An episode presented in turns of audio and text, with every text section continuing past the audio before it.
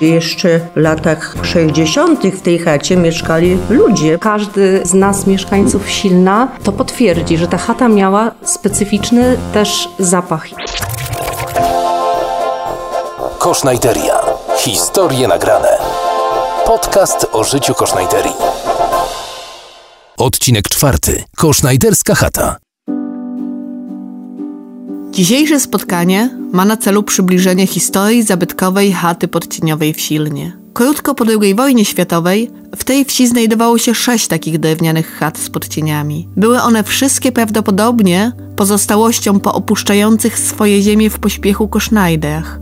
Niestety, w okresie powojennym drewniane chaty kolejno znikały z pejzażu wsi. Obecnie została tylko jedna. Chata pochodzi z 1850 roku. Pierwotnie była usytuowana naprzeciwko kościoła. Chata ma dwuspadowy dach, kryty strzechą, jest konstrukcji zrębowej, z węgłami na jaskółczy ogon bez ostatków. Ma też szczyty ze śparogami. W roku 69 była gruntownie odnowiona i jako obiekt już odrestaurowany pełniła różne funkcje dla wsi. Służyła jako pomieszczenia mieszkalne. W Silnie żyją jeszcze ludzie, którzy mieszkali w tej chacie. Pełniła funkcję biblioteki i obiektu kultury. W 1978 roku Wojewódzki Konserwator Zabytków zadecydował o przekazaniu chaty na rzecz Chojnickiego Muzeum. Dokonano niezbędnej rekonstrukcji dachu, otoczenie upiększono, postawiono płot, założono ogród.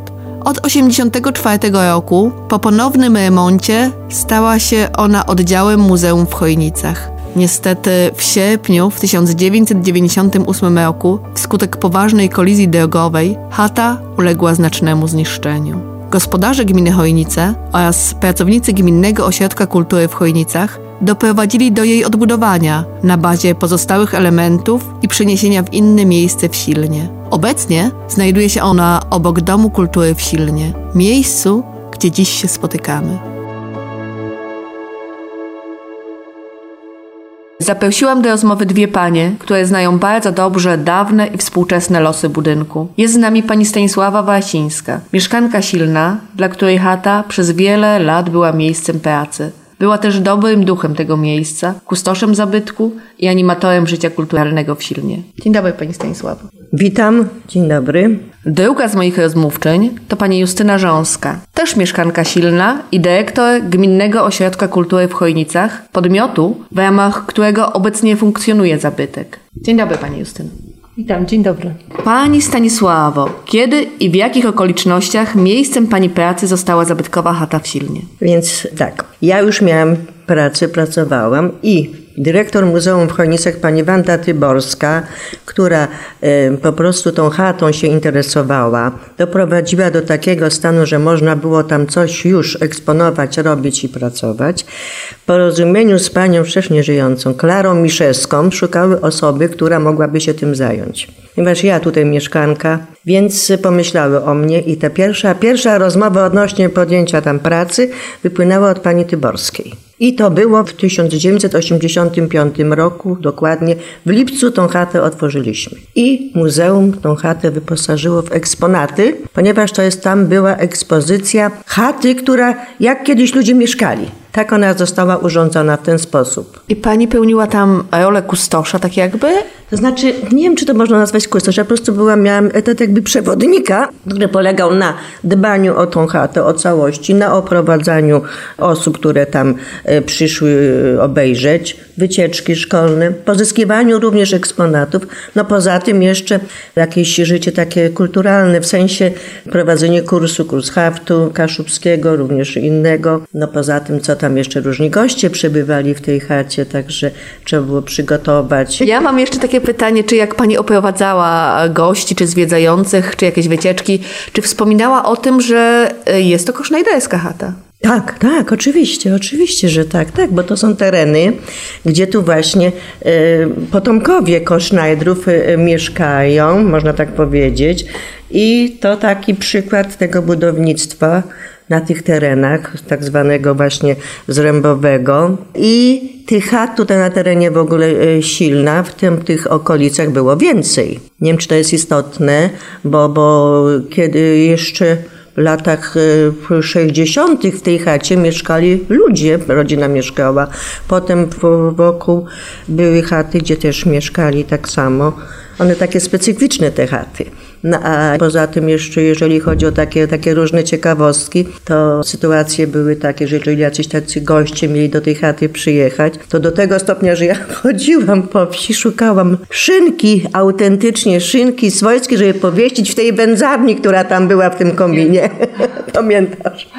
No, także no, tak to wyglądało. A jeżeli chodzi o gości, kto tam przebywał w tej chacie, oprócz dzieci, które były zainteresowane, gdzie było takie nazewnictwo dziwne, gdzie po prostu dla nas wydawało się to bardzo prostą sprawą, a należało dzieciom wytłumaczyć na przykład masło. To, to mi utkwiły takie różne rzeczy. No masło skąd się bierze? No kupuje się w sklepie.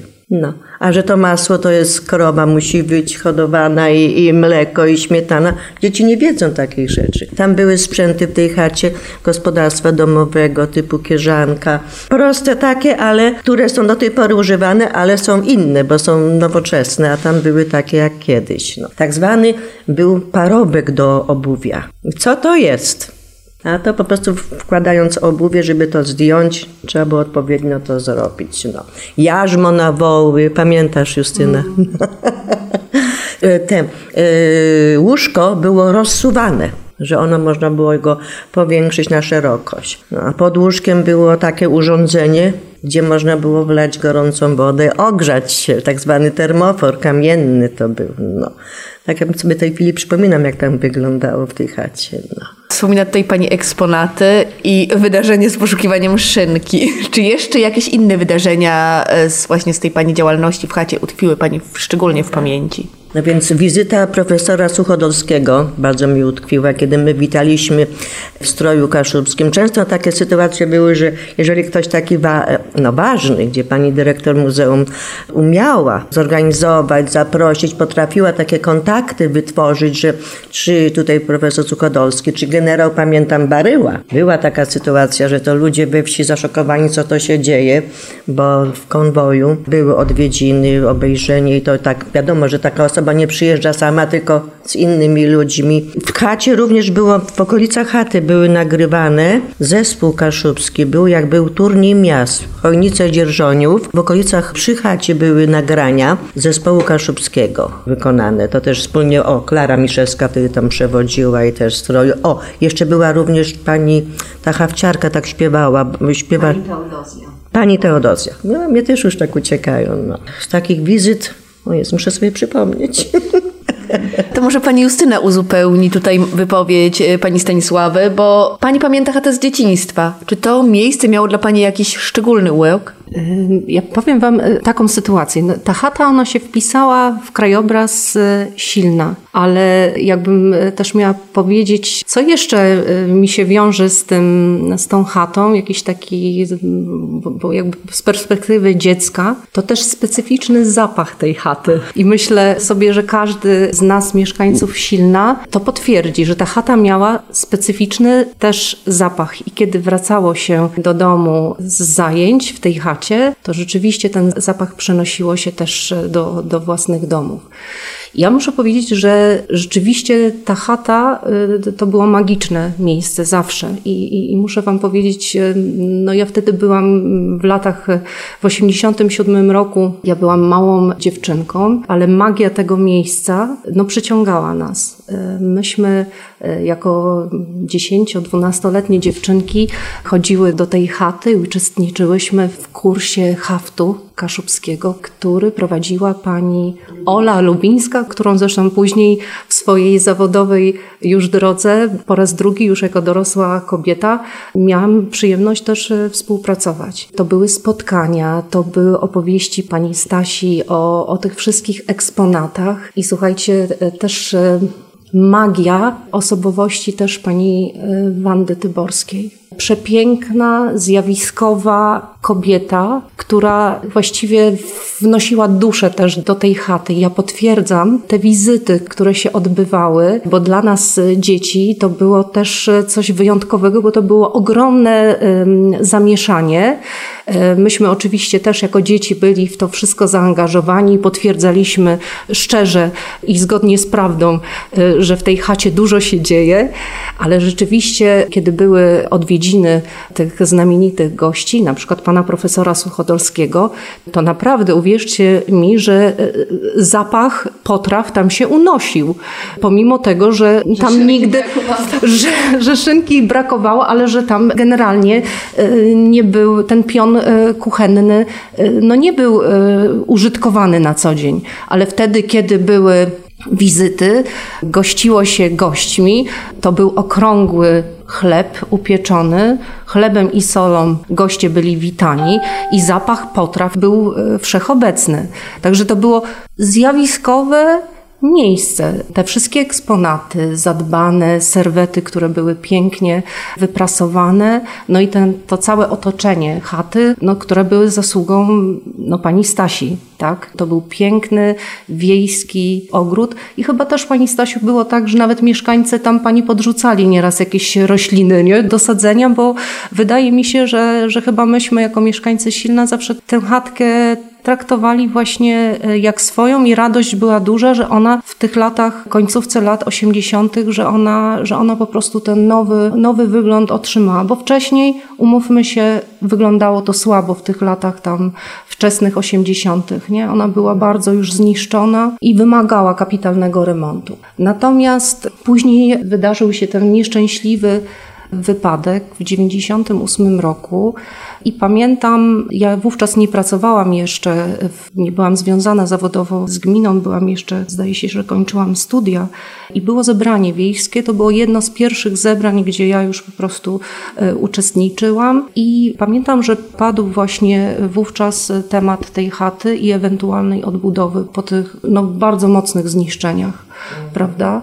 I jeśli też dobrze pamiętam, Pani Stasiu, niech Pani mnie wesprze. Wiem, że ja też wtedy głos zabrałam, bo mówiłam, że no, to jest niemożliwe, żebyśmy tej chaty nie odbudowali, tak? Przecież Zamek Królewski też był zniszczony i gdyby Gdyby nie determinacja mieszkańców e, Warszawy i Polaków, to, to pewnie by go było ciężko odbudować. Dlatego to taki nasz mały zamek królewski i, i wtedy chyba nie było głosów sprzeciwu na tym zebraniu. Raczej wszyscy chcieli, bardziej chyba była ta dyskusja na temat docelowej dyslokacji z tego, no umówmy się, no takiego no, no niefajnego miejsca, bo ono rzeczywiście takie było trudne, skarpa, duży ruch samochodów, coraz większy zresztą. Także to były takie kluczowe momenty. Myślę, że to był ostatni dzwonek, żeby coś z tą chatą zrobić, nie? Ja muszę powiedzieć, że to było autentyczne miejsce i ta chata rzeczywiście stała. Tak, tak tam w tym miejscu ona stała. No szkoda, że ten wypadek, bo w związku z tym uległo dużo po prostu zniszczeniu. No ja miałam szczęście takie, że akurat nie byłam w tym miejscu, bo ja już pracowałam wtedy na pół etatu i nie byłam wtedy w tej chacie, bo gdybym przebywała tam, no to nie wiem, czy tutaj z Państwem bym w tej chwili siedziała. A odnośnie tego zebrania, o którym Justynka mówiłaś, pamiętam to zebranie. Pamiętam to zebranie, kiedy właśnie nawiązałaś i mówiłaś o tej chacie, o tym, że trzeba to odbudować i bo szkoda tego. I po tej odbudowie tutaj została przyniesiona w okolicach Domu Kultury. Z tym, że po prostu dla mnie, po prostu ona już nie jest taka, jak, jak ja ją zapamiętałam, jaka ona była, bo to już jest odbudowane. Tam już jest dużo rzeczy, trzeba było do, jakoś to zrobić, żeby to wyglądało, żeby to było, a już to nie jest takie autentyczne. A odnośnie jeszcze tak mi się skojarzyło samej chaty, nie wiem, pamiętasz na pewno, na tym płocie wisiały garnki kamienne. Garki musiały wisieć, a to w zasadzie to pani Tyborska miała takie pomysły, ona pamiętała, tutaj musisz mieć garki. Jeżeli w koło były kwiaty, to takie typowo wiejskie kwiaty, nie tam żadne jakieś tam ekstra.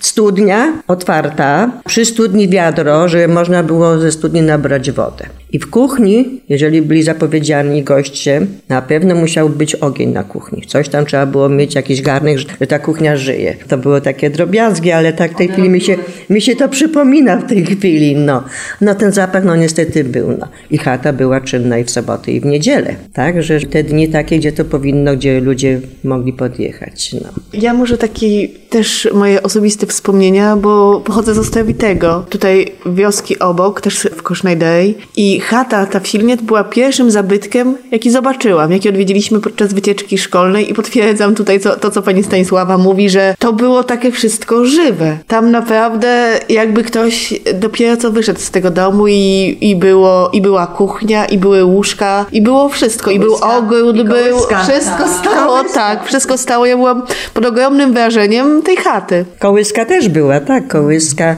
takie skrzynie do przechowywania właśnie odzieży tam. Bo mi się taka pani przyjechała z, z gośćmi, którzy przyjechali do niej z Niemiec, z Harzyków ta pani i ona po niemiecku jej tłumaczyła. Jak ja jej mówiłam to jarzmo na woły, to pamiętam, śmieszny i ona nie mogła, jak to, jak to wytłumaczyć, przetłumaczyć na niemiecki. Powiedziała, że to było dla pana od krowy. Pana od krowy. No. Także no, było wycieczki, wiadomo, i niemieckie, i tam pamiątki, tam takie różne właśnie, gdzie i wpisy w księdze są właśnie, dużo różnych wpisów. Swego czasu to była już końcówka lat 90. Pan, który, to już byliśmy w NATO, on stacjonował w Szczecinie, szukał korzeni swojej rodziny i znalazł, że to jest Frankenhagen, silno po niemiecku. I sobie wyobraźcie Państwo, że on w sobotę ze swoim kierowcą, podpułkownik, przyjechał, znalazł to silno i chatkę w Silnie. To on był tak szczęśliwy, no przeżywał niesamowicie to, że on jest w tym miejscu, a on dokopał się związku jego rodziny do lat y, XIV wieku, XIV-XV, początek 1400 któregoś roku. I on sobie zrobił to drzewo genealogiczne i to Frankenhagen znalazł. No, no, to, to, no niesamowite to było. Także nawet mam zdjęcie tego pana, jak w tej chatce właśnie jest, jak ta chatka tam ogląda. I... No myślę, że ponieważ jej nazwisko i czasy i jego porodzina, więc można powiedzieć w ten sposób, że na pewno, że no, no właśnie nie to, że można, ale na pewno jakiś potomek e, Kosznajdrów, bo tu jednak ten teren, no, no to była Kosznajderia, no jest Kosznajderia. Chyba też jest tak, że my chyba jesteśmy do tej pory świadkami takich e, powrotów sentymentalnych tych mieszkańców, no, byłych mieszkańców, czy potomków byłych mieszkańców tej Kosznajderii, bo nawet y, widzimy, że zapytania spływają do nas mailowe z prośbą o pomoc w sprawdzeniu, czy na przykład na lokalnych naszych nekropoliach, cmentarzach tych wiejskich znajdują się nagrobki z tymi charakterystycznymi nazwiskami kosznajderskimi i ci ludzie chętnie tutaj y, przyjeżdżają. Zresztą niedawno, kiedy pracowaliśmy nad uporządkowaniem jednego ze starych właśnie cmentarzy, też pojawiły się głosy, czy może po prostu są nagrobki, inskrypcje, które wskazują, że, że tam mogą być też na przykład mieszkańcy Kosznajderii. Także my widzimy, że ten ruch od wielu lat jest, że ci ludzie przyjeżdżają, dopytują, oglądają. Ja sama rodzinnie też wiem, że, że przez wiele lat w Piastoszynie, skąd pochodzi moja babcia i mieszkała w takim poniemieckim domu, ci potomkowie rokrocznie przyjeżdżali, odwiedzali ten dom. Oni nie uzurpowali sobie żadnego prawa do tego domu. Oni cieszyli się, że nowi właściciele, osoby żyjące, że wpuszczały ich do tych domów, że oni mogli wejść, zobaczyć, przypomnieć sobie, zrobić sobie zdjęcie. Także myślę sobie, że tutaj pewnie Pani Stasiu, ten pan, o którym Pani przed chwilą wspomniała, nie był jedynym, który zatrzymywał się przy tej chacie i jakby też wracał, te osoby wracały gdzieś do przeszłości. Umówmy się, Kosznajdrzy żyli tutaj przez prawie 500 lat, więc trudno mówić o tym, że oni byli tu obcymi. Oni tworzyli historię i codzienność tej ziemi. Zresztą myślę sobie, że, że jest też tak, że często w domach się naszych mówiło tutaj, szczególnie te rodziny, które pojawiły się gdzieś z południa Polski, ze wschodu Polski, które tutaj zasiedliły po 45 czy 7 roku tutaj te nasze, nasze tereny, nasze wioski, czy z, z Kieleckiego, tak? Oni byli pod wrażeniem tej techniki agrarnej, tych sprzętów, których tutaj rolnicy używali na tych terenach. Ale to wynikało z tego, że to były jakby, to był dorobek też tych kosznajdrów. Dbałość o kulturę ziemi, więc my na pewno przez wiele lat czerpaliśmy też z tych ich takiej gospodarności, zaradności. Także to też po prostu bardzo tych ludzi wyróżniało, tych kosznajdrów. Więc myślę sobie, że my naprawdę możemy czerpać cały czas z, ich doświadczeń, z ich jakby takiej więzi, którą oni przecież przez te 500 lat nawiązali z tymi terenami. Pani Justyno, jak pani jako dziecko odwiedzała chatę, czy pani była świadoma tego, że to jest chata pokosznajderska? Nie, absolutnie nie. Absolutnie nie. No znaczy, ja miałam y, taką świadomość, z domu to wyniosłam, że jakby tutaj Niemcy, czy ludność, która miała pochodzenie niemieckie, że ona tu po prostu funkcjonowała, żyła, ale chata była nasza. Zawsze była nasza, bez, y, bez jakby naznaczania jej y, jakąś narodowością, nazwą. nazwy Kosznajderia pani nie znała wtedy. Ja muszę powiedzieć jeszcze dalej. Przyznam, że ja nie pamiętam, żebym w szkole podstawowej usłyszała to słowo. W szkole na zajęciach. Myślę, Justyna, że chyba usłyszałaś to słowo, no nie wiem, ale myślę, że w chacie. W chacie, kiedy ja właśnie opowiadałam. A ja z kolei, jako mieszkanka, i tutaj rodziłam się w Silnie, również uważam te tereny po prostu gdzieś tam już za Chojnicami były niemieckie, prawda? I tutaj migracje ludności różne były przecież na naszych terenach. A dopiero pracując tu i kiedy wgłębiłam się w literaturę, kiedy po prostu rozmowy z pracownikami muzeum, doszliśmy i opracowania różne, prawda, że to są tereny, które nazywamy Kosznajderią w tej chwili, prawda? Znaczy w tej chwili, no nazywamy tak, bo to nazewnictwo jest takie. A wcześniej to ogólnie ludzie, mieszkańcy to tak Potem, kiedy już mówiliśmy to Kosznajderia, to niektórzy, no jak Kosznajderia? Co to znaczy? No. A tak się inaczej, po prostu takie było wymieszanie ludzie i pochodzenia i niemieckiego, i miejscowi, którzy po prostu, no tu mieszkali, no. Ale czy oni wiedzieli, że oni tam mają jakieś korzenie gdzieś tam stamtąd? No tutaj są, prawda? Ale później nazwiska zaczęły po, po prostu odgrywać rolę, tak jak tu mówiliśmy wcześniej, ten Packę, no czy Packi, no. Potem spolszczone Pacek, no więc to... No, no są takie nazwiska. Rok 98 to jest rok przełomowy w historii tego zabytku. Wtedy zdarzył się wypadek. Czy mogłyby Panie tutaj, nie wiem, Pani Justyna, Pani Stanisława, opowiedzieć coś więcej o tym wydarzeniu? To znaczy, ja mogę powiedzieć tyle, że jechał duży samochód, gościu chyba troszkę może przysnął w okolicach kościoła, zjechał na pobocze i nie dał rady wyjechać i centralnie prosto ten samochód jego on hamował. Szedł róg chaty, zniszczył i zatrzymał się na budynku gospodarczym obok chaty, za chatą po prostu. I, i zniszczył bardzo dużo no, kuchnię i tam częściowo izbę. To było w sierpniu 98 roku. No mnie tam nie było, no akurat. No. Pani Justyno, jak to się stało, że właściwie chata znalazła się i jest cały czas e, w strukturach Gminnego Ośrodka Kultury w Chojnicach? Znaczy, ja myślę, że to po prostu wynikało też e, z decyzji samorządu. Myślę, że pan wójt e, Szczepański w, w roku 2000 no podjął wtedy i przedłożył e, Radzie Gminy no taką już propozycję, żeby tę chatę odbudować, dyslokować ją w otoczenie Domu Kultury w Silnie, tak by zminimalizować ryzyko, że ta chata po raz kolejny mając na, na względzie to, że ten ruch samochodów z roku na rok się wzmagał, żeby przenieść ją właśnie w okolice Domu Kultury i tutaj ją odrestaurować. Potem przekonał pan wójt ówczesne władze powiatu, wtedy powiatem kierował już świętej pamięci pan Palmowski, pan Janusz. Tutaj pan wójt też znalazł sprzymierzeńca. Wszystkie samorządy tutaj nasze okoliczne, czyli powiat, miasto, gmina podjęły wówczas decyzję o partycypacji w kosztach odbudowy tego obiektu. Pani, ówczesna dyrektor e, muzeum, pani dr Janina Herek e, zadeklarowała tutaj też daleko idącą pomoc. Zostało złożone wówczas pismo do konserwatora, już w tamtym okresie był to już konserwator pomorski. Zostało złożony wniosek o rozbiórkę tego budynku i wyrażenie zgody na jego dyslokację.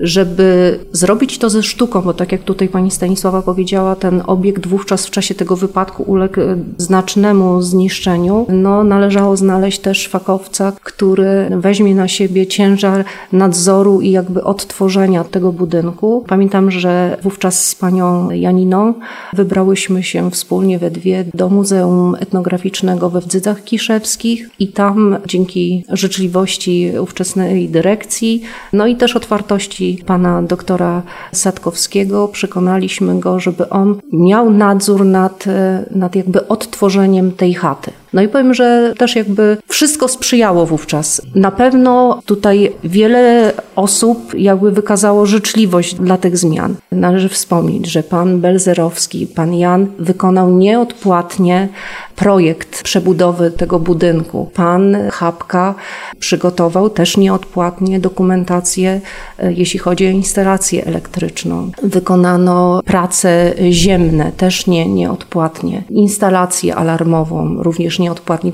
Okna przekazano drewniane do tej chaty, więc było naprawdę wiele osób, które nie tylko trzymały kciuki za odbudowę tego obiektu, ale rzeczywiście realnie dały wkład i rzeczowy, i finansowy w odbudowę tego budynku. Także Muzeum Chojnickie wyasygnowało dodatkowe środki, żeby też wesprzeć tutaj tę odbudowę. Prace wszystkie wykonywała firma pana Józefa Urbaniaka. Strzechę wykonała firma pana Lubińskiego jeśli dobrze pamiętam, z Brus.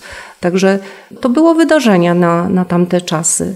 Dla mnie to było takie też pierwsze takie zawodowe, e, poważne wyzwanie, bo tak się złożyło, że w lipcu 99 roku rozpoczęłam pracę, więc dla mnie to była nie dość, że wyzwanie, ale to była ogromna przyjemność, a przy okazji mówię, miałam okazję też otrzeć się o wyjątkowe osoby. Pani Stanisławo, krótko po wojnie w pejzażu wsi było sześć takich chat kosznajderskich. Czy pani zna historię tych chat? Znaczy ja mogę powiedzieć, że jedna z nich jest w Muzeum Etnograficznym w Toruniu. Inne po prostu uległy zniszczeniu. I coś mi się przypomina, nie wiem, nie jestem do końca pewna, czy po tym wypadku w 98 roku, czy również Muzeum Toruńskie tej chaty nie chciało przejąć. Ale jednak dzięki tutaj determinacji udało się ją zatrzymać u nas, że jest w silnie dalej. Pani Justyno, może pani coś więcej wie na temat tych y, chat, które były w Silnie? Tych chat było kilka. Są jeszcze pozostałości pewnie jednej chaty na ulicy Przyrzecznej. Każda z nich miała inną konstrukcję. Wydaje mi się, że ta tutaj Betlejemka, o której dzisiaj mówimy, była chyba jedną z nielicznych tego typu. Pozostałe miały też inną formę budowlaną, jeśli dobrze pamiętam. Natomiast rzeczywiście jest tak, że kiedy odwiedziliśmy z mieszkańcami, z seniorami z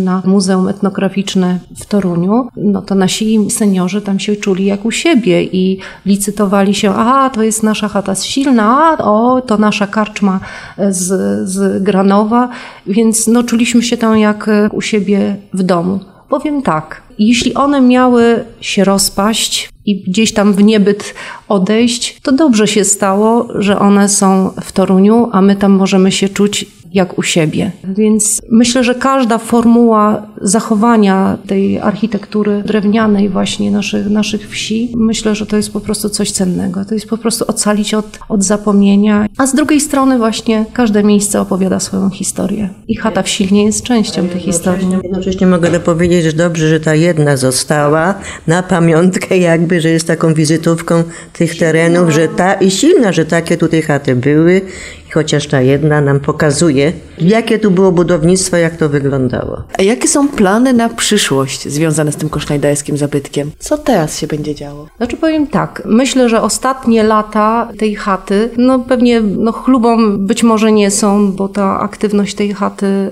jakby nie jest y, y, najwyższych lotów i to trzeba sobie też powiedzieć. Natomiast nasze plany E, nasze plany są takie, żeby na powrót ożywić tę chatę, mieć dobrze wzorce z tych lat, kiedy tu pani Stanisława w tej chacie pracowała.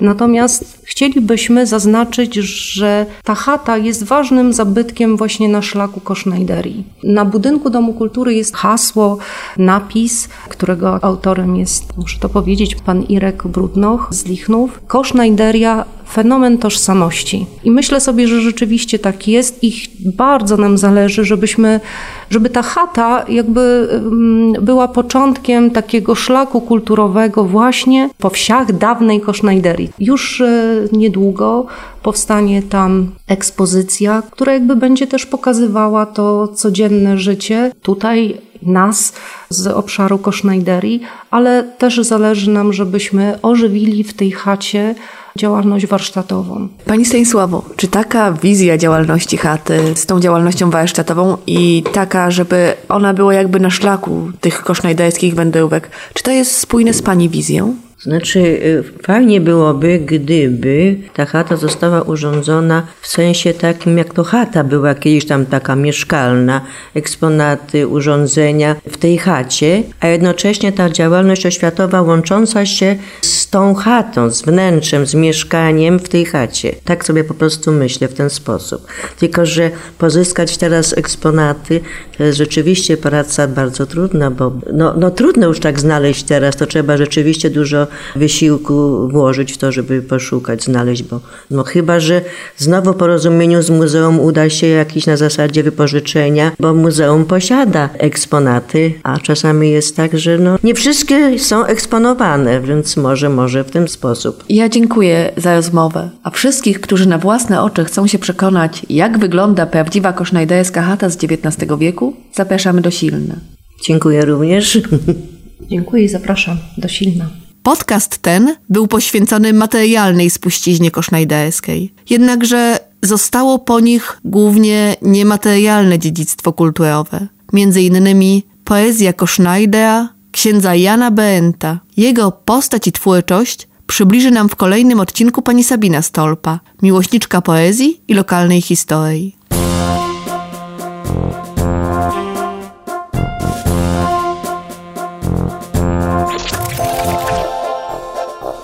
Kosznajteria. Historie nagrane. Podcast o życiu Kosznajterii.